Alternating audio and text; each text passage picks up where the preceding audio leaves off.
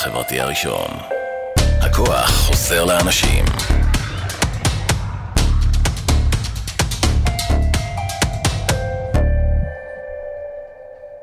שלום חברים, ערב טוב וברוכים הבאים לתוכנית בראש של מוש.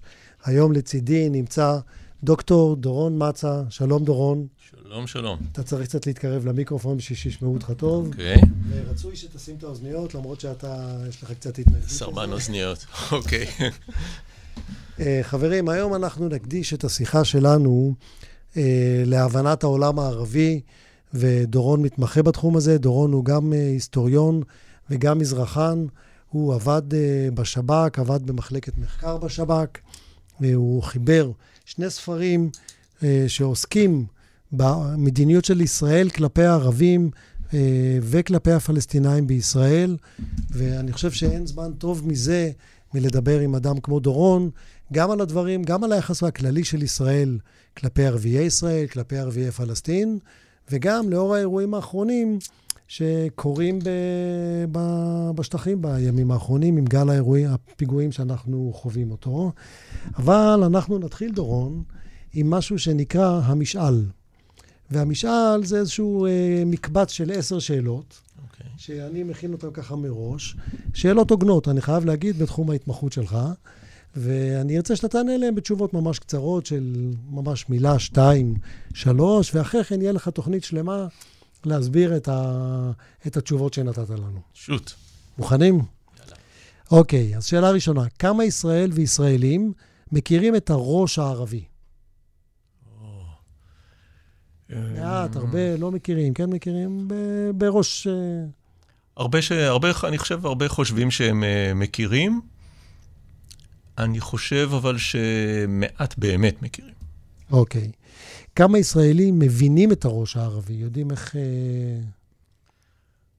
אני חושב שהבעיה שלנו היא לא הראש הערבי, במובן של אדם אחד ואיך אנחנו מפצחים את יכולות החשיבה שלנו. אתה יודע, אני בא מתחום המודיעיני, עסקתי הרבה הרבה שנים במודיעין, ותמיד... כן, תכף נגיע לזה. תשובות כן. קצרות, אחרי כן יהיה לך... אוקיי, תשובות קש... קצרות. מבינים את הראש הערבי או לא מבינים את הראש הערבי? אה, לא מבינים את המערכת הערבית. אוקיי. האם יש דבר כזה עם פלסטיני? יש, אה, יש קבוצה גדולה שמגדירה את עצמה כ, כציבור אה, פלסטיני לאומי, כן. בין כמה הלאום הפלסטיני הזה? הוא התחיל להתפתח משנות ה-30 של המאה ה-20. זאת אומרת, במקביל לתנועה הציונית? זה מה שאתה אומר? ממש במקביל לתנועה הציונית, או קצת, אה, קצת לאחריה, כן. אוקיי. האם יש זהות לאומית בין ערביי ישראל וערביי איו"ש? יש, כן. יש מערכת של, אה, נקרא לזה, זיקות אה, גומלין, שבין השאר הן זיקות גומלין, נקרא לזה, אידיאולוגיות, לאומיות, כמו שאתה מגדיר אותן, כן. אוקיי. האם ישראל טעתה עד כה ביחס שלה לערביי ישראל? לא. Um, אני חושב שהפרויקט הישראלי, יהודי, ציוני כלפי ערביי ישראל, הוא הצלחה אדירה במונחים של 74 שנים. טוב, תכף תסביר את זה. האם לישראל עדיף ערביי ישראל לא מפותחים חברתית וכלכלית, או כן מפותחים? שאלת המאה. אמ, אני חושב שבראי ה experiment שמתקיים פה כבר עשור ומחצה, אני חושב שמוטב למדינת ישראל סוג של אה, שילוביות אה, כלכלית של אה, ערביי ישראל בתוך, בתוך המדינה. אני חושב שהיו לזה יתרונות לא מבוטלים בעשור מחצה האחרון, ואפשר לדבר... זה לא מוביל ליתר לאומיות? לא. טוב. האם לדעתך ישראל צריכה לשמור על רוב יהודי? בהחלט. יש לך דרך לעשות את זה? אני חושב שהפוליטיקה הישראלית במידה מסוימת אה, עשתה את זה דרך חוק הלאום. אוקיי, זאת אומרת דרך חקיקה. כן. ככלל, האם ערביי ישראל מהווים סכנה לביטחון ישראל? לא במונחים הקלאסיים שאנחנו uh, מדמיינים את הסיפור הזה של uh, טרור ואלימות. זה, זה לא הסיפור, זה סיפור ש... התקיים לפרק זמן מאוד קצר בהיסטוריה של יחסי מדינת ישראל עם ערביי ישראל. אתה מדבר על, מדבר על פרעות 2000, פרעות 2015? אני מדבר בעיקר, היה פה נגיעות בטרור של ערבים ישראלים, שנות, שנות ה-70 המוקדמות, פה ושם באינתיפאדה, באינתיפאדה השנייה. אבל כשאנחנו מדברים על אסטרטגיית ההתנגדות של ערביי ישראל, זו לא הבחירה הראשונה של המיעוט הערבי. זאת אומרת, אלימות, אה, סוג של אה, אלימות אה, כזו, שהיא פחות או יותר מאמתת אותם בצורה חזיתית עם המערכת הישראלית-יהודית, זה לא הבחירה הראשונה של ערביי ישראל. האם פשרה טריטוריאלית תביא לסיום הסכסוך בין ישראל לפלסטינאים? לא. האם אתה מאמין שיכול להיות הסכם שלום בר קיימא בין ישראל והפלסטינאים? אני מאמין שיכולה להיות uh, הסדרה. אני לא מאמין במונח uh, שלום, או בתכולה של המונח שלום, כפי שהוא עוצב בשיח הישראלי לאורך שנות, uh, שנות ה-70. הבנתי. Uh, טוב, זה, ענית על זה כאן. אז בסופו של עוד שתי שאלות קטנות אולי. בסופו של דבר אתה, אתה מקבל את האמירה שהסכסוך הוא סכסוך, uh, בבסיס שלו סכסוך דתי ולא סכסוך טריטוריאלי? הסכסוך הוא סכסוך מאוד uh, מגוון, הוא בסופו של דבר סכסוך uh, רעיוני, סכסוך אתני, סכסוך לאומי, וסכסוך שיש בו בוודאי אלמנטים uh, דתיים. זאת המורכבות שלו, ובשל כך אנחנו מאוד מתקשים לצאת מה, מהסיפור הזה. הבנתי. טוב, הנה, עמדת בזה בשלום, אני שמח שהיו לך תשובות ככה בשלוף לכל דבר. בואו נתחיל רגע לפרק את הסיפור okay. אוקיי. הזה. אה, אתה בכלל מקבל את תיאוריית השבט, שאומרת שהחברה הערבית היא חברה שבטית, ואנחנו צריכים אה, לפעול לפי המתווה הזה של החברה הזאת? תראה, ביסוד, בחברה הערבית יש, יש יסודות, אה, יסודות שבטיים, אני יותר אגדיר אותם כיסודות סקטוריאליים, אוקיי? זה, זאת אומרת, השבט זה איזשהו מונח שמרמז ל, לרעיון של, של חמולה. אוקיי, ויש, יש חמולות ב, ב, בחברה הערבית, הערבית הפלסטינית, אנחנו רואים את זה גם ביהודה ושומרון, אנחנו רואים גם את הבסיס החמולתי שקיים גם בקרב, בקרב ערביי ישראל. אני חושב שזה מעבר לזה, יש, יש סקטור, סקטוריאליות בתוך, ה, בתוך החברה, החברה הפלסטינית, והסקטוריאליות הזו היא... היא סוג של באמת איזה היגיון מכונן, או אה, היגיון מאוד אה, בסיסי סוציולוגי בתוך, אה, בתוך החברה הערבית הפלסטינית, שלמעשה מגדיר אותה הרבה לפני 1948, ואם הזכרנו לא. לא, אבל כחברה, כחברה, המנגנון שמתפקד אצלהם זה מנגנון השבט. יש... כתב על זה ביום שישי, לא יודע אם כן. ראית בהארץ, סאלח מסלחה. אוקיי. הוא אומר שהאורבניקה היהודית היא אורבניקה של להתפתח. שכל עיר רוצה ללכת ולגדול. נכון. והאורבניקה הערבית היא הפוך, של ללכת ולהסתגר. הם לא רוצים לגדול כי הם לא רוצים שיבואו אנשים שהם לא מתוך השבט. כן. השבטיות קיימת בתוך החברה, החברה הערבית, אבל אני, אני יכול לומר לך בשקט שהיא קיימת גם בתוך החברה היהודית במדינת ישראל. זאת אומרת, הסקטוריאליות שאנחנו מדברים עליה היא גם, אה, במידה מסוימת, גם... חלק מהסיפור החברתי-פוליטי במדינת ישראל. אה, אנחנו מכירים את מה שנקרא תזת השבטים של אה, רובי ריבלין, שאגב זו לא התזה שלו, אלא תזה שפותחה על ידי אקדמאים ישראלים משנות ה-80, אבל יש, יש מגדירים... יש מגדירים סקטוריאליים, גם בתוך החברה הערבית וגם בתוך החברה היהודית, אה, היהודית שלנו. כן, אבל ברשותך, כן. יש הבדל בין סקטור, אני מקבל את האמירה שלך, mm-hmm. אתה יכול להסתכל על חברה חרדית, נכון, כחברה נכון, סקטוריאלית, נכון, ובתוך החרדים נכון, יש, נכון. יש uh, ליטאים נכון. ויש uh, חסידים וכולי נכון. וכולי. אבל uh, שם זה, זה, פחות, זה פחות סקטוריאלי, זה יותר שבטי. נכון, יש... איך, איך דוקטור קדר קורא לזה מושמנה. כן, כן. יש, יש יסודות, מה שנקרא, שבטיים. אגב, היסודות האלה בסופו של דבר, אני חושב שעזרו למדינת ישראל וליישוב היהודי החדש, אוקיי, טרום 1948, להתמודד עם החברה הערבית הפלסטינית. ההצלחה הגדולה של מדינת, מדינת ישראל, אוקיי, ב-1948, להתמודד עם המערכת, המערכת הפלסטינית, הייתה התוצר של אותה סקטוריאליות או שבטיות, כמו שאתה מגדיר אותה בחברה הערבית הפלסטינית. היא זו בעצם שמנעה מהחברה הפלסטינית אה, אה, להתאחד או לייצר איזשהו, נקרא לזה, אפקט צבאי משמעותי ב...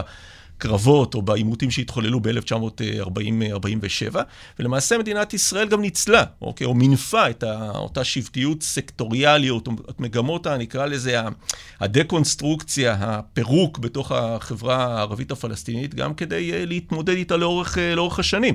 וזנחנו את הטכניקה הזאת? אני לא חושב שזנחנו את הטכניקה הזאת. אנחנו... היא עדיין שרירה וקיימת? אני חושב שהיא עדיין שרירה וקיימת. אנחנו רואים, רואים אותה עד עצם היום הזה, במאמץ הכמעט עילאי של מדינת, מדינת ישראל, ליצור למשל את ההפרדה הגדולה בין, בין רצועת עזה לבין יהודה ושומרון, או בין חמאס לבין פת"ח, או בין חמאס לבין הרשות הפלסטינית. תראה, עכשיו הרבה, הרבה מאוד מדברים על כך ש... על רקע גל הטרור צריך להכות ב... רגע, תכף נגיע לזה, זה נושא אחר. אני רוצה רגע להתמקד ב... okay. אוקיי. בשבטיות okay. כ... אוקיי. כמבוא mm-hmm. להסכם. אוקיי. Okay. אתה חושב שאנחנו צריכים להשתמש בשבטיות הזאת כאיזשהו אה, אמצעי לבנות סביבו הסכם? הסכם, אתה מתכוון להסכם מדיני מול, אה, מול הפלסטינים. כן. אני מכיר את התזה של, אה, של קידר לגבי הרעיון, הרעיון השבטי. אני חושב שהוא רעיון מעניין. אני לא בטוח שמדינת ישראל יודעת איך למנף את הסיפור השבטי כדי לייצר הסדר או הסדרה, או איך אנחנו מנהלים את הביזנס שלנו מול המערכת הפלסטינית, לפחות ביהודה ושומרון, אוקיי, ששם עיקר הסקטוריאליות. איך אנחנו מתנהלים מול מה שנקרא חברה פלסטינית אה, סקטוריאליות אה, שבטית ומנהלים את, אה, מנהלים, מפתחים מערכת מה שנקרא יחסים מול מה שנקרא כל שבט או כל קבוצה או כל קהילה במערכת הפלסטינית. בעבור כך, מה שנקרא, העדיפה מדינת ישראל לאורך השנים לרכז את הסמכות הפלסטינית במערכת הפלסטינית. זה ברשות אחת. כך, בעבור, כן, ובעבור כך היא בעצם אה, עשתה במשך, אה, אני חושב, 15 אה, השנים האחרונות, את, אה, נקרא לזה עסקת חייה במרכאות או לא במרכאות, עם הרשות הפלסטינית של, אה, של אבו מאזן, כסוג של... אה, כתובת, אה, כתובת פוליטית שיכולה לארגן או לסדר עבורה תכליות אה, אסטרטגיות, ובמידה מסוימת זה, זה, זה עבד, כלומר זה פעל לא רע. אבל השאלה היא אם זה לא השלכת חשיבה מערבית mm-hmm. על מבנה חברה מזרחי. כי אנחנו רוצים ראש אחד, כתובת אחת שיש לנו ראש שקט. נכון. יש לנו בעיה, אנחנו הולכים לראש, לראש המערכת הזאת, ומכלים בו את זעמנו, לטוב ולרע. נכון. שאלה אם זה עובד בחברה הערבית. יכול להיות... אולי דווקא עדיף הפרד ומשול. יכול להיות ש... יש הפרד ומשול, אנחנו עושים הפרד ומשול בתוך המערכת. הפרד ומשול אזורי כזה של שבטים. כן, כן. אוקיי, אז, אז קודם כל אנחנו משתמשים בשיטות ההפרד ומשול, רק אנחנו לא משתמשים בהן באופן שבו אתה, מה שנקרא, רואה לנכון להשתמש בהן, אולי, בצורה, מה שנקרא, של הפרדת אה, שבטים. אנחנו משתמשים בהפרד ומשול ביחס, למשל, שבין הגדה, או בין מה שנקרא יהודה ושומרון, לבין רצועת עזה. אנחנו עושים סוג של בידול, אוקיי? כולל על רקע גל הטרור, הטרור האחרון. זו טכניקה שמדינת ישראל עושה, עושה אותה בהצלחה יתרה מאז 1948 וביתר שאת מעל 1967. זאת אומרת, אז הטכניקה הזאת של הפרד ומשול ושל, נקרא לזה, ריסוק המערכת הפלסטינית, או מניעת אה, איחוד המערכת הפלסטינית על ידי יצירת אה, בידולים ופיצולים, למשל, בין רצועת עזה לבין יהודה ושומרון, בין מזרח ירושלים לבין אה, ערביי, ערביי יהודה ושומרון. זה חלק, מה שנקרא, מטכניקה שמדינת ישראל עושה בה שימוש לאורך השנים. השאלה היא, בסופו של דבר, ולי אין עליה מה שנקרא תשובה מוחלטת, כי זה מגרש משחקים שעוד לא ממש שיחקנו בו, אוקיי? האם למדינת ישראל יש בעת הנוכחית או בעתיד אינטרס להמשיך ולרסק את המערכת הפלסטינית, או להמשיך ולייצר בידולים נוספים במערכת הפלסטינית? או ליצור לא... גוף אחד, כן. או ליצור גוף אחד שישלוט בכל השטח? לשלוט, אה, ליצור גוף אחד שישלוט בכל השטח, את זה שמנו בצד, אוקיי? זה, זה, זה הוכח כמה שנקרא, לפחות באוסלו, בתהליך אוסלו כלא לא אפקטיבי, או לפחות כ counterproductive ביחס אלינו. אבל השאלה היא, האם למדינת ישראל יש עניין להמשיך בתהליך הריסוק של המערכת הפלסטינית, ולייצר ריסוק שמבוסס לא רק על הגדרה נפרדת של מרחבים או של ישויות פוליטיות, למשל חמאס ופת"ח, אלא על הגדרה למשל של שבטים. בואו בוא ניקח את, אה, את יהודה ושומרון, את המערכת הפלסטינית ביהודה ושומרון, ו, ו, ונפרק אותה לפי, לפי הגדרות, כן, הגדרות שבטיות. במשחק הזה, במשחק הזה, מדינת ישראל עוד לא הייתה, אה, ואנחנו די, די חלשים ב, ב, ביכולת שלנו לשחק במשחקים החברתיים האלה של, אה, של הרכבות למיניהן. בדרך כלל הניסיון הישראלי בדבר הזה הוא לא ממש מוצלח. אז אתה, ממה שאני שומע מדבריך, אתה ירדת מהסכמה לרעיון של מדינה פלסטינאית כישות אחת שתשלוט בכל uh, שטחי יהודה, שומרון ועזה? הרעיון של מדינה פלסטינית הוא, הוא, הוא, הוא לא רלוונטי במשמעות של יצירת גוף פלסטיני שמייצר איזה סוג של סימטריה מוחלטת ביחס לישראל. זה מה שניסו לעשות באוסלו למעשה. זה, זה, זה, זה גם מתרסק אה, באוסלו. כלומר, לייצר איזשהו, לא רק הפרדה, מה שנקרא פיזית, לייצר, לייצר סימטריה. יש פה שתי ישויות אה, מדיניות, פוליטיות, עם זכויות, מה שנקרא, מדיניות מאוד אה, מובהקות. ישראל ופלסטין, ואנחנו מאפשרים לפלסטינים סמכויות ביטחוניות, רציפות אה, טריטוריאלית, את היכולת לנהל מה שנקרא את הביזנס שלהם גם כלפי, כלפי חוץ. הסימטריה הזאת רעה למדינת ישראל. ולכן מה שנקרא הרעיון של מדינה פלסטינית, גם הוא, כמי שמקפל בתוכו את הסימטריה או את השאיפה להיווצרות, ליצירת שתי, שתי ישויות, נקרא לזה מאוד, מאוד דומות במאפיינים שלהם וגם מאוד סימטריות, הדבר הזה הוא לא, הוא, הוא לא רלוונטי. ולכן מדינת ישראל, אני חושב במידה מסוימת, במידה מסוימת זה ההיסטוריה של מדינת ישראל גם מול, אה, מול הפלסטינים ב, ביהודה ושומרון, הוא ליצור, ליצור מציאות שבה אה, מצד אחד אנחנו שומרים לעצמנו את ה... נקרא לזה, את האחיזה הביטחונית, אוקיי? ויוצרים אסימטריה מובהקת ב, ב, ב, ביחסי הכוחות בינינו לבין, לבין הפלסטינים. אה, ומצד שני, מאפשרים למרחב הפלסטיני להתנהל באיזה סוג של, נקרא לזה, אוטונומיזם, לפחות במובנים, ה, נקרא לזה, האזרחים שלהם. האזרחיים, הכלכליים. בסופו של דבר מדינת ישראל לא רוצה לפנות את הזה. אז רגע, אז תעצור שנייה. אז בעצם מה שאתה מתאר כאן. אתה מתאר כאן איזושהי מציאות.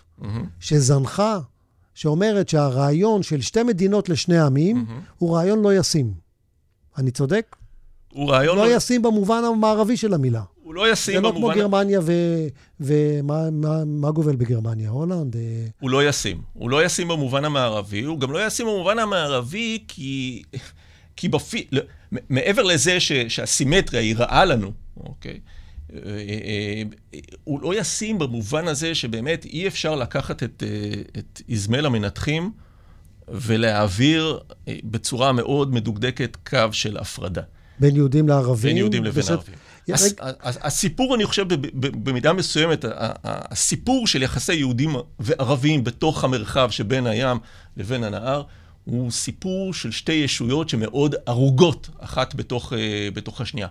זה נכון שבשנות ה-30 של המאה הקודמת, איפשהו עלה הרעיון של הפרדה, דרך הרעיונות של, דרך היוזמות של ועדת פיל, ואחר כך תוכנית, תוכנית, תוכנית החלוקה. אבל גם התוכניות האלה, אגב, הניחו שיהיו יהודים בשט, בשטח המדינה הערבית ויהיו ערבים בשטח המדינה... יהודית. המדינה היהודית. בסופו של דבר, אני חושב שהמציאות ש, שנוצרה בשטח היא, היא מציאות ששילבה או שהרגה בתוכה גם יהודים וגם ערבים, אחד בתוך, בתוך השני, וה, והסיפור, וה, והיוזמה של לקחת ולבצע איזה סוג של, של הפרדה מאוד מוחלטת, מאוד אירופאית במאפיינים שלה. מאוד מודרנית. על מה מבוססת המודרניות? המודרניות מבוססת על מה שנקרא יצירת, יצירת גבול, אוקיי? יצירת קווי הפרדה מאוד ברורים. הרעיון הזה הוא לא רלוונטי למרחב, למרחב הזה. ו- ו- ולכן כל סט הפתרונות, אוקיי? ואני לא בעד לקרוא לזה פתרונות, אני בעד לקרוא לזה הסדרות. כל סט הפתרונות או ההסדרות שאנחנו צריכים לחשוב עליו, הם כאלה שאין בהם את ההפרדה המוחלטת. כשאתה אומר הפרדה, אתה מדבר הפרדה טריטוריאלית. הפרדה פיזית, כן. פיזית, ששטח א' שייך כן. לעם אחד ושטח ב' נכון, שייך לעם אחר. נכון. זה אתה אומר לא, לא ריאלי, לא יקרה. נכון. זאת אומרת, אם אנחנו הולכים לאיזשהו סוג של הסדרה ביחסים האלה, mm-hmm. אנחנו צריכים למצוא מנגנון הסדרה אחר. נכון, אנחנו צריכים למצוא מנגנון משולב, שיש בו יסודות של נפרדות, אוקיי? גם כחלק מהגדרת האינטרס הציוני, יהודי. אנחנו לא רוצים פה מדינה, מה שנקרא, one state, כן? או אוכלוסייה ערבית של כמה מיליונים שמקבלת אזרחות ישראלית. אז אנחנו צריכים את הנפרדות הזאת, או את הבידול הזה, אבל אנחנו צריכים גם את, ה... את הסימביוזה עם המערכת הזאת, כדי לווסת אותה, כדי לנטר אותה, כדי להבטיח גם שהיא לא, מה שנקרא, לא מאיימת אה, אה, אה, ביטחונית, וגם משום שבעצם בפועל אין לנו את היכולת ליצור את החציצה המוחלטת הזאת. ואגב, החציצה, החצ... או ההיעדר חציצה הזו, זה סיפור שלא רק מתקיים ביחס לערבים ביהודה ושומרון. הוא מתייחס גם ביחס, ל, נקרא לזה, המרחב הריבוני של מדינת, אה, מדינת ישראל, מה שנקרא, מדינת ישראל בגבולות... כן, 48. ערביי ישראל הם חלק מהמערכת, מה שנקרא, הישראלית. איך פה אתה יוצר, אה, יוצר הפרדה? הרי ברור ש, שאין הפרדה מוחלטת. זאת אומרת, אני חושב מלכתחילה, כל הרעיון של... כל הרעיון המודרניסטי של יצירת מה שנקרא גבול חד ומאוד ברור בין אלה לבין אלה, אוקיי? הוא לא ריאלי. הוא רעיון שהוא לא, הוא לא, הוא לא מתיישב על חומרי הגלם של המציאות היהודית-ערבית במרחב הזה שבין הים התיכון לבין נהר הירדן. אז מה שאתה, אומר, מה שאתה אומר עכשיו זה בעצם אה, מכת מחץ לתזה של כל השמאל הישראלי, שבא ואומר, אנחנו בעד פתרון של שתי מדינות לשני עמים, מחר בבוקר. נכון, אני, אני, אני אחדד את זה אפילו עוד יותר. זה, זה מכת מחץ לשתי תזות, אוקיי? Okay? אחת לתזת הפתרון, שמדברת על two state, okay, אוקיי? על יצירת הפרדה מוחלטת בין, אה, בין יהודים לבין אה, ערבים, אה, ערבים פלסטינים. זה רעיון השלום, אוקיי? על המשמעות שלו. אבל זה גם, זה גם מכת מחץ לצד השני, שאומר שאנחנו יכולים לפעול באיזושהי, מה שנקרא, מציאות הפוכה, של מדינה אחת. כי גם המציאות הזאת היא מציאות קטלנית מבחינת אה, מדינת ישראל, אם מדינת ישראל מגדירה את עצמה כמדינה יהודית אה, ציונית. אנחנו לא, לא יכולים אה, לחיות במדינה מדינה אחת, ולכן מה שנקרא, שתי הגדרות הקצה האלה, אוקיי?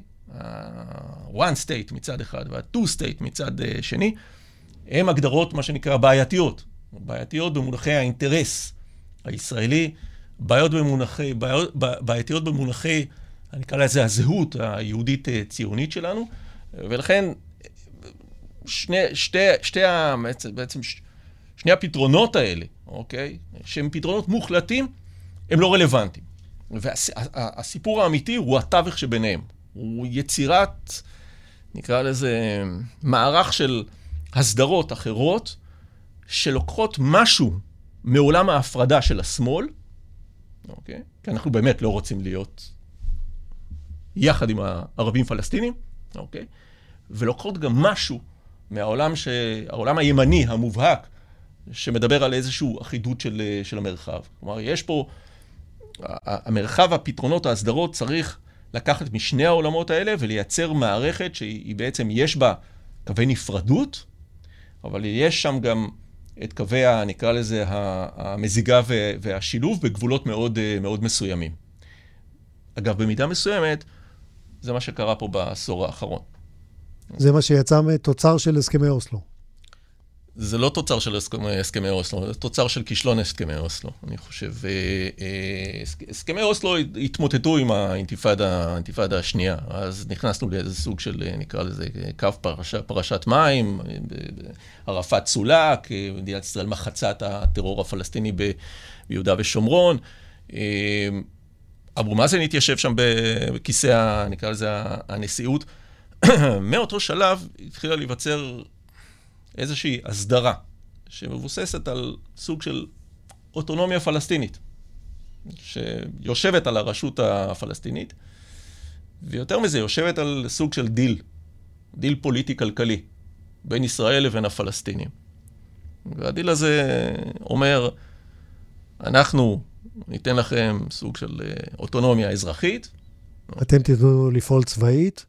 כן, אנחנו לא רק ניתן לכם אוטונומיה אזרחית, אנחנו גם ניתן לאליטה שלכם, האליטה הפלסטינית, לנהל את הביזנס הזה פוליטית, להקים מנגנוני הביטחון, לייצר סמכות מול, אה, מול השטח.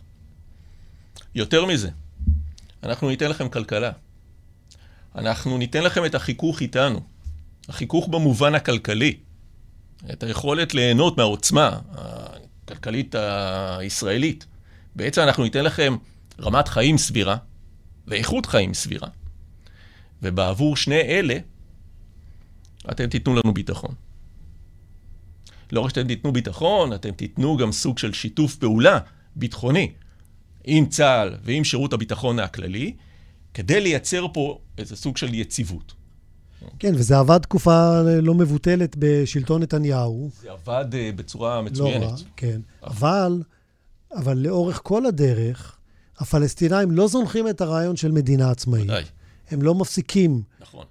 להטיף את זה. אבל תראה את הדבר המעניין. עדיין מציגים את ישראל, כי ההסדרה הזאת היא סוג של הסדרה זמנית. זה משהו של... אה, זו הסדרה. הסדרה.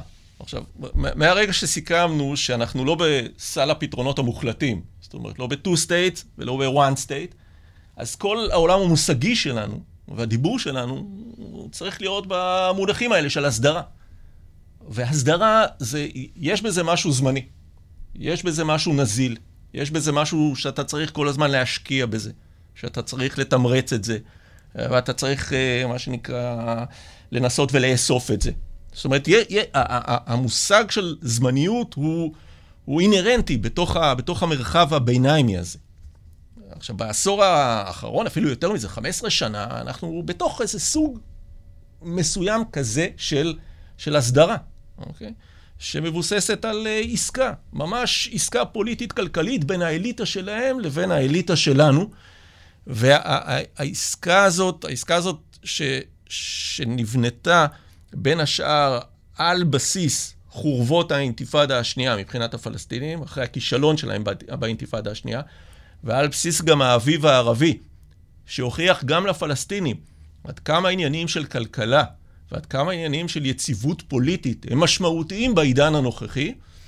העסקה הזו, אני חושב, הביאה למדינת ישראל תקופה יחסית מאוד ארוכה, כולכם היסטוריים, כן? אה, של יציבות אה, ביטחונית. אז מה קורה עכשיו? עכשיו העניין הזה מתערער. אבל מה, ש, מה שאני רוצה לומר על הדבר הזה, וזה מאוד מעניין, אמ, העסקה הזאת בעצם לא הייתה רק עסקה עם, ה, עם הפלסטינים. אה, בעצם אנחנו מדברים על סוג של, סוג של מודל. שנולד בתוך המזרח התיכון. ומה שהתחולל מול הפלסטינים הוא חלק מהעניין הזה.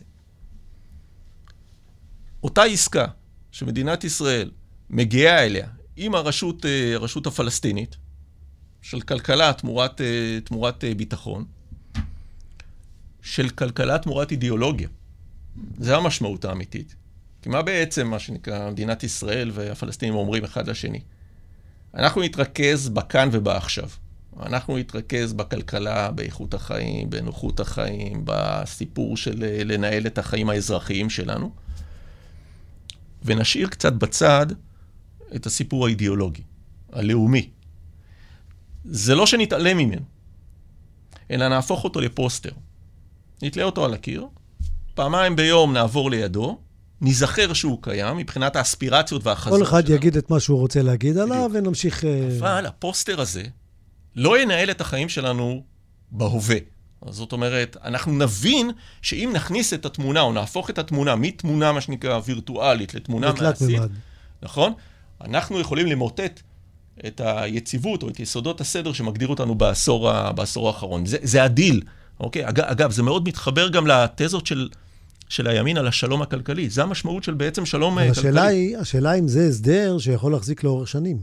זהו, אז אנחנו רואים שלא. אז קודם כל, מה שאנחנו רואים שלא, אבל דבר נוסף שאנחנו רואים, שההסדר הזה הוא לא רק ההסדר שנעשה מול הפלסטינים של הרשות הפלסטינית, וזה הסיפור המעניין. זה מודל בעצם שמתפתח במזרח תיכון כולו. זה מודל דובאי, שעליו דיבר אה, נתניהו. אוקיי? זה המודל של הסכמי אברהם. בעצם מה, מה, מה, זה, מה, מה, מה הסיפור של הסכמי אברהם? הסכמי אברהם באים ואומרים, אנחנו ננהל נורמליזציה. ישראל ומדינות המפרץ העשירות של, של המזרח, המזרח התיכון, ונשאיר בצד את כל הסיפור, הסיפור הלאומי, שאגב ממילא לא קיים אצל אותן מדינות אה, מפרציות. אנחנו נכונן חיים, מה שנקרא, כלכליים, של שיתופי פעולה כלכליים וטכנולוגיים. אבל זה חזון, זה, זה החזון של פרס. זה, במידה מסוימת זה החזון, אה, החזון של פרס, אבל החזון של... מזרח תיכון חדש. כן, עם, עם, עם שני תיקונים, אוקיי? אני חושב שפרס רצה לשלב בתוך החזון הזה, החזון הכלכלי, גם את החזון הלאומי. של מדינה פלסטינאית? כן, כן. כן, אבל פרס תמיד אמר, הכלכלה תנצח. זה נכון. האינטרס הכלכלי גובר על, כל, על האינטרס הלאומי. תנצח, זה נכון. שזה מוטיב שבעצם אנחנו רואים אותו בתולדות התנועה הציונית מאז סוף המאה ה-19. אם אתה קורא את הרצל, את הכתבים של הרצל, מדובר שם על הקמת מדינה יהודית, מאוד מודרנית וחזקה מבחינת כלכלית, שתעתיר את הטוב שלה על המזרח התיכון ותביא מה שנקרא את בשורת אירופה המודרנית דרך הרכיב הציוני. והרעיון הזה מתגלגל אצל הרצל, והוא מתגלגל אצל בן גוריון ואצל ז'בוטינסקי. זה לא רעיון חדש של כלכלה, ציונות ומזרח מזרח תיכון, אבל אני חושב שמה שהיה חסר אצל, אצל פרס, ולא היה חסר אצל נתניהו, זה ההקשר הרחב. למה זה הצליח בתקופת נתניהו ולא כל כך הצליח בתקופת, בתקופת פרס? אחד, בתקופת פרס עדיין המזרח התיכון היה נעול על הסיפור הלאומי, מאוד, אה, מאוד חזק. כן, האביב הערבי קצת אה, פרץ שם. נכון, האביב הערבי פשוט ריסק את הסיפור הזה. אבל מעבר לזה, כשאנחנו מסתכלים על הגלובוס, לא רק על המרחב האזורי, אלא על המרחב הגלובלי. אנחנו נמצאים היום בעידן, עידן המאה ה-21, העידן הפוסט-מודרני, העידן שבו הדבר שהכי חשוב לאנשים זה כלכלה. כלכלה ואיכות חיים ורמת חיים. זה הסיפור שמגדיר אותנו היום. תרבות הצריכה וההדוניזם, ומספר המסעדות שנלך אליהן, וכמות הפעמים, מספר הפעמים שנצא, מה שנקרא, לחו"ל, ומידת הרכוש שנאסוף. כלכלה מגדירה... אני חייב לספר לך פה סיפור קצר, לעשות לך איזשהו break, אוקיי. ולספר לך סיפור ממש מצחיק. היינו, הייתי בלונדון לפני חודש, ויש... והסתובבנו באיזשהו אה, קניון שנקרא Selfridges, mm-hmm. אחד היקרים בלונדון, mm-hmm. ויושב שם איזה שייח ערבי עם איזה שמונה אנשים מסביבו, והחזיק בערך איזה חצי מסעדה. במשך שעה וחצי הוא יושב, והמלצרים מגישים ומזמינים, והוא מפנק את כולן, וכולנו יושבות מסביבו, וזה בעצם מוכיח את מה שאתה אומר. נכון. זה הדוגמה. אנחנו באנו, כי אני אומר, כעולם הערבי, ומכרנו את הרעיון של חירות פוליטית, בעבור הרעיון של שגשוג כלכלי. זה ה trade-off הענק. אגב, זה, זה, זה בסופו של דבר גם, זה, זה האביב הערבי. אז לשאלה ששאלתי אותך עם כן. ערביי ישראל, כן. ישראל צריכה להשקיע בכלכלה והרווחה או, של ערביי ישראל, כן. אז אתה אומר שהתשובה היא כן? אז מה שאני אומר, שבמקביל לעסקה, אותה עסקה הכלכלית-פוליטית שאנחנו עשינו עם אבו מאזן, אנחנו עשינו עסקאות כלכליות דומות. חלקן עסקאות מוכחשות, שאחר כך צפו. עם מי עשינו אותם? עם המפרציות, קודם כל. במשך עשור שלם. ממשלות נתניהו מנהלות אה, ביזנס, אוקיי? עם מדינות המפרץ, מתחת לשולחן, ביזנס שמבוסס על הרעיון, מה שנקרא, הכלכלי-טכנולוגי. אה, שוב, בשם אותה, מה שנקרא, תפיסה, אבל במקביל, ממשלות הימין עושות את זה עם עוד שני גורמים. אחד מהם זה ערביי ישראל. זה הסיפור של החלטה 922, ההיא שמתקבלת בשנת, אני חושב, 2014, אם אני אה, לא טועה, שמדברת על 12 מיליארד סיוע לערבים במדינת אה, ישראל, סיוע ממשלתי. סכום חסר תקדים במונחים של סיוע ממשלתי שניתן אי פעם לערביי ישראל. גם אם אנחנו מסתכלים על תקופת רבין, שנחשבת כאיזשהו תור הזהב ביחסי ערביי ישראל עם אה, ממשלת ישראל, לא עברו סכומים כאלה, אוקיי? זה המבוא לאותם 53 מיליארד של... שמקבל מה שנקרא מנסור, אה, מנסור עבאס. יקבל, בינתיים אני לא יודע כמה הוא יקבל, כן. אה. אבל זה אותו סיפור. גם פה יש עסקה, עסקה מול ערביי ישראל. שאגב, נתניהו דיבר עליה במפורש. ערב מערכת הבחירות האחרונה, למי שזוכר, הוא היה במגזר הערבי ודיבר על מודל דובאי. זה אותו דבר. אנחנו נשלב אתכם כלכלית, נשפוך כספים, okay? אוקיי? ואתם תמחקו, או לפחות תטשטשו את האספירציות ואת החזונות הלאומיים שלכם, אה, אותם חזונות על אה, הפיכת מדינת ישראל. זה יעבוד? תראה, זה עבד במשך, אה, במשך עשור. זה היה מאוד, מה שנקרא, מאוד, מאוד אפקטיבי, עד כדי כך שמפלגה בתוך מערך המפלגות הפוליטיות של המגזר הערבי באה ואמרה, אני רוצה להפוך את המודל הזה לאידיאולוגיה מוצהרת שלי. וזה הסיפור של רע"מ. זה הסיפור של השבר הפוליטי הגדול שהתרחש בתוך הפוליטיקה הערבית, נקרא לזה הנפרדות או השבר בין הרשימה המשותפת בראשות איימן עודה לבין רע"מ של עבאס, עבאס מנצור. איימן עודה רצה להמשיך לשחק את המשחק הכפול, גם של אידיאולוגיה וגם... כן, של... זה אנחנו מכירים, אבל הבנתי מה אתה אומר, אבל, אה, אבל אני קצת אקשב ואני אשאל אוקיי. את השאלה הבאה. כן. בסופו של דבר, הסכסוך הזה הוא סכסוך אתני. אתה השתמשת במילה אתני, נכון. יש הרבה אנשים משתמשים במילה סכסוך דתי. ואולי רגע זה באמת הזמן לדבר mm-hmm. על הגל הפיגועים האחרון. אוקיי. כי עכשיו שמענו, שומעים בתקשורת כל, כל מיני פרשנים, mm-hmm. או פרשנים בפני עצמם, כל אחד מחליט, לחסל את יחיא סינואר וכולי וכולי. והשאלה מאיפה זה בא. Mm-hmm. ואני ראיתי שאתה כתבת פוסט על זה, שזה סכסוך, זה בעצם גל של, של uh, בודדים. Mm-hmm. זה לא ארגון שאתה יכול לעקוב אחריו, נכון. ולשים עליו יד, ולאתר אותו ול, ו, ולמדר אותו, למגר נכון. אותו. וזה מה שהופך את זה ליותר קשה. נכון. בבסיס של הגל הבודדים האלה, מה מניע אותם? זהו, אז אני רוצה לחבר את זה לכל מה שדיברנו עליו. אוקיי? כי, כי באמת, אני, אני, אני חושב שגם כשאני שומע פרשנים וגם כשאני קורא טקסטים על גל הטרור, אה, אז הרבה, הרבה מתעסקים, אתה יודע, במובן מאליו. יש הסתה ברשתות, אין הסתה ברשתות, ההוא אמר לו ככה בהר הבית, סינואר צפצף שם אה, מעזה.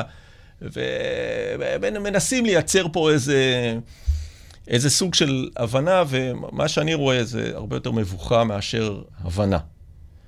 אמ, ואני חושב שאי אפשר לפרש או להבין את גל הטרור האחרון בלי להבין בכלל מה התרחש בשנה האחרונה. ובלי להבין את כל הסיפור שסיפרתי, ולכאורה הוא, הוא לא קשור, אבל הוא מאוד קשור.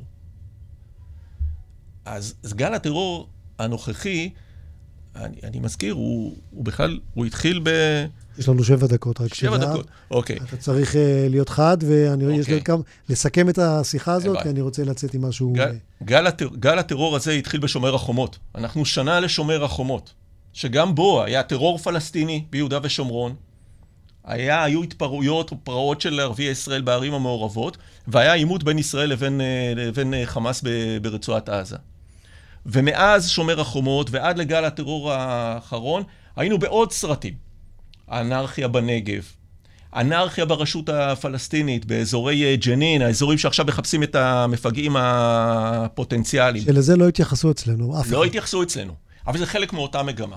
מה שאני בא וטוען זה ככה, מה שאנחנו רואים בשנה האחרונה, או בגל, וגם בגל הטרור האחרון, זה בעצם קריאת התיגר של הפוליטיקה הישנה, הקלאסית, של המזרח התיכון ושל המערכת הפלסטינית, נגד הפרדיגמה הכלכלית-תועלתנית שתיארתי. נגד הסדר הכלכלי הזה, שמבוסס על כלכלה תמורת, אה, תמורת אידיאולוגיה. נגד מודל דובאי, שאגב, אנחנו ניסינו לייצר אותו גם מול חמאס ברצועת עזה, דרך המעטפות של הכסף ודרך הסיוע הקטרי, זה אותו סיפור, זה כלכלה תמורת שקט. שקט. ועכשיו מה שאנחנו רואים בשנה האחרונה, זה את קריאת התגר, שבאה מתוך גורמים במערכת הפלסטינית כלפי אותו סדר. בעצם אנחנו רואים שני מחנות היום, במזרח התיכון בכלל, וגם במערכת הפלסטינית. את אחד, את אנשי המוחות, מה שאני מגדיר, אוקיי? את אלה שרואים לנכון להמשיך באותו מודל כלכלי תועלתני, במודל דובאי, זה שמבוסס על להשקיע את האידיאולוגיה בתוך הרבה מאוד כסף, בתוך כלכלה ונוחות חיים. ומולם יש את אנשי הלבבות, או אנשי הכבוד. הם רוצים להחזיר את המזרח התיכון לפוליטיקת הזהות הקלאסית, לפוליטיקה האתנית, לפוליטיקה הלאומית. וזה, וזה בעצם... והם, זה... הם, אותה קבוצה, כן, אנשי הכבוד, הם אלה שבעצם גם לא נהנים מהסדר הכלכלי הקיים, וגם יש להם איזה שהן אספירציות, מה שנקרא אידיאולוגיות או רעיוניות, לרסק אותו, כי הם באים מתוך העולם האידיאולוגי. Okay. אוקיי? כן, אז יכול להיות שהאנשי הכבוד האלה שאתה מדבר עליהם, yeah. כן. הם אותם ראשי חמולות, שנאלצו לבלוע שכבת ניהול שהביאו מחו"ל, שכבת ניהול חיצונית, שלא צמחה פה, לא שולטת בחמולות, ולוקחת את כל השמנת. מי שמנסה לאתגר זה הרבה מאוד גורמים שנמצאים, נקרא לזה, בפריפריה של המערכת הפלסטינית. זה לאו דווקא החמולות. החמולות הן בדרך כלל יותר שמרניות. זה אותם צעירים שלא משתלבים בסדר החברתי-כלכלי הקיים, אוקיי? זה אותם... אה, אה, שלא, השתלשו, שלא השתלבו ב, באליטה שצמחה מלמעלה? בתוך האליטה, בתוך מקבלי המשכורות, בתוך מה שנקרא אלה היה... שסמוכים על שולחנה של הרשות ה... כן, אבל אם הם היו צריכים לצמוח בתוך המבנה של השבט, אז יש להם, שם יש כללים ברורים. הם יודעים יש... בדיוק איך הם, הם יכולים לגדול. כן, שם יש... יגיע אה, זמנם. שם יש כללים יותר, יותר ברורים. הם, הם לא צמחו לא פה ולא פה, ולכן הם מאתגרים את השיטה. מדובר בכל מיני, מה שנקרא, חמושים של, אה, של פת"ח, בכל מיני קבוצות של, ה, נקרא לזה, האופוזיציה הפלסטינית, של ג'יהאד איסלאמי, במידה מסוימת של, אה, של חמאס, אלה שמחזיקים בגישות אידיאולוגיות של, אה, של הסכסוך, בגישות אפילו מאוד סמליות שנוגעות למעמד, למשל, הר הבית ודברים כאלה. זו קבוצה יחסית מאוד, מה שנקרא, רחבה, אוקיי? שרואה את מה שנעשה פה בעשור האחרון, את הסדר הפוליטי-כלכלי שהתגבש פה בעשור, בעשור האחרון, ומנסה לרסק אותו.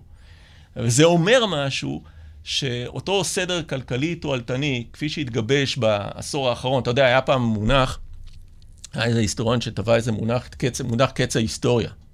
פרנסיס פוקיימה, כן? כשהתמוטטה ברית המועצות, אוקיי, אז דיברו על קץ המלחמה הקרה, והדמוקרטיה ניצחה, ופה ושם. ואני חושב שבמידה מסוימת בעשור האחרון, היינו באיזושהי תחושה שהכלכלה עשתה את זה. שהמודל הכלכלי תועלתני ריסק את האידיאולוגיה של המזרח התיכון. והוא לא. ומה שאנחנו רואים כרגע, שאנחנו לא בקץ ההיסטוריה. זאת אומרת שאנחנו נמצאים במציאות שבה, כן, היסודות של המודל הזה עדיין שרירים וקיימים, הוא לא יתמוטט. אז זה אומר... אבל, אבל, שהכוחות של יום האתמול, הם מספיק, מה שנקרא, צברו כוח, צברו עוצמה, ושיש מערכת חדשה של הקשרים, שנותנת להם את אותו עוצמה, כדי לנסות ולקעקע את אותו סדר שהרבה מאוד אה, גורמים חלקו אותו במשותף ונהנו ממנו באותה תקופה של 15 אה, שנה. ולכן במובן הזה אנחנו מקבלים היום מערכת פלסטינית-ישראלית שמצד אחד יש בה את המודל הכלכלי תועלתני, הוא עדיין מה שנקרא מתפקד, אבל יש בה הרבה יסודות של... שקוראים תיגר. שקוראים תיגר של אנשי הפוליטיקה, פוליטיקת הזהות, הפוליטיקה הישנה, ומדינת ישראל נמצאת פה בסוג של, של צוות או של, של דילמה. איך אנחנו מנהלים את הביזנס הזה. כי למשל, חלק מהמפגעים, מאיפה הם מגיעים? הם מגיעים מהפרצות בגדר. עכשיו, למה יש פרצות בגדר? יש פרצות בגדר כי זה האינטרס הכלכלי של מדינת ישראל ושל הרשות הפלסטינית לאפשר את הפרצות האלה כדי לקיים את המודל הכלכלי. ואותם אלה שמאתגרים את הסדר, איך הם מאתגרים אותו? הם מאתגרים אותו דרך, הש... דרך החולשה של השיטה כן, הכלכלית. כן, אבל אם זה היה ב... במקומות אחרים, אז היו עושים uh, גדר כמו שצריך. נכון. ועושים מעברי גבול שמסוגלים נכון. להעביר uh, 50 אלף איש למעבר. נכון. ועושים את זה בשעה וחצי. זה מה שצריך לעשות. ולא, ולא עושים איזושהי עבודת נכון, חפלאפ. נכון. אז בואו, אנחנו צריכים לסיים את השיחה המרתקת הזאת. Uh, קודם כל, אני באמת שמח ל... לראות שהצלחנו לקיים איזשהו דיון חשיבה על כל מיני מודלים. מה קורה ואיך אפשר להתמודד איתם. אין ספק שצריך לעשות את זה יותר. הייתי מסכם את השיחה ואומר שמה שלמדתי אני ממך בשיחה הזאת, שלהבנתך, אה, מדינת ישראל חייבת להיות חזקה תמיד. נכון. צבאית. שהסיפור של הגל האירועים, הפיגועים האחרון, הוא באיזשהו מקום היחלשות של השליטה בשטח, גם בתוך הרשות וגם בישראל. נכון. יש פה אה, אה, קריאת תיגר של הפוליטיקה הישנה שאתה קורא לה, שהיא באיזשהו מקום פוליטיקת הזהויות האלה של השבטים, החמולות, שלא קיבלו את חלקם בהסדרים האלה של, שהצניחו אותם מלמעלה, וזה מעלה סימן שאלה בכלל, האם הצנחה כל של שכבת ניהול מלמעלה של אש"ף אה, חו"ל הייתה נכונה או לא. יכול להיות שזה דווקא כן נותן נקודות ל, למודל של אה, קידר, של... אה, של מודל השבטים. מודל השבטים שעובד יפה באמירויות. Mm-hmm. ובכל מקרה, חיתוך של איזמל את החברות, את הטריטוריה או את האוכלוסיות, הוא כמעט בלתי אפשרי, ואנחנו צריכים למצוא איזשהו משהו חכם ויצירתי, שכרגע אנחנו עדיין אולי לא רואים אותו על הפרק, אבל הוא כנראה יצטרך לבוא. אני חושב שבמידה מסוימת היה לנו משהו חכם ויצירתי, והוא הוחמץ, וחבל. הוא הוחמץ גם כי הפוליטיקה הישראלית במידה מסוימת אה, גרמה לו, גרמה לו להתפרק. וזה הסיפור של, אה, של יוזמת השלום של, אה, של טראמפ. אה, הרבה מאוד גיחכו על טראמפ ועל עסקת המאה או יוזמת השלום שלו, אבל אני חושב שטראמפ וחתנו, שהיום עושה מה שנקרא כספים בזכות הסיפור הזה, הם תפסו יפה את המהות של המזרח התיכון החדש, והם ניסו להריץ את, את המודל הזה, המודל הכלכלי-עסקי, באמצעות, אה, באמצעות אותה, אותה יוזמת, אה, יוזמת אה, שלום, שנועדה לעשות את ה trade-off הגדול שבין כלכלה ואידיאולוגיה, ובמסגרת הדבר הזה, למצב את המערכת הפלסטינית כמערכת שהיא הרבה פחות מדינה ויותר אוטונומיה. דרך... השאלה אם הם הבינו את הנרטיב הערבי, שבסופו של דבר האסלאם לא מוכן לקבל שום דת אחרת, ומבחינתו כל, כל דת אחרת היא דת של כופרים, ושצריך להרוג אני, אותם, אני לא ומתישהו, ש... לא ומתישהו זה, זה צץ למישהו. אני לא בטוח שהם ירדו לשורש העניין הזה. הם הבינו יפה את כוחו של הכסף, את כוחה של הכלכלה. את, uh, אני חושב שהם הבינו משהו על המהות של המזרח התיכון פוסט האביב הערבי.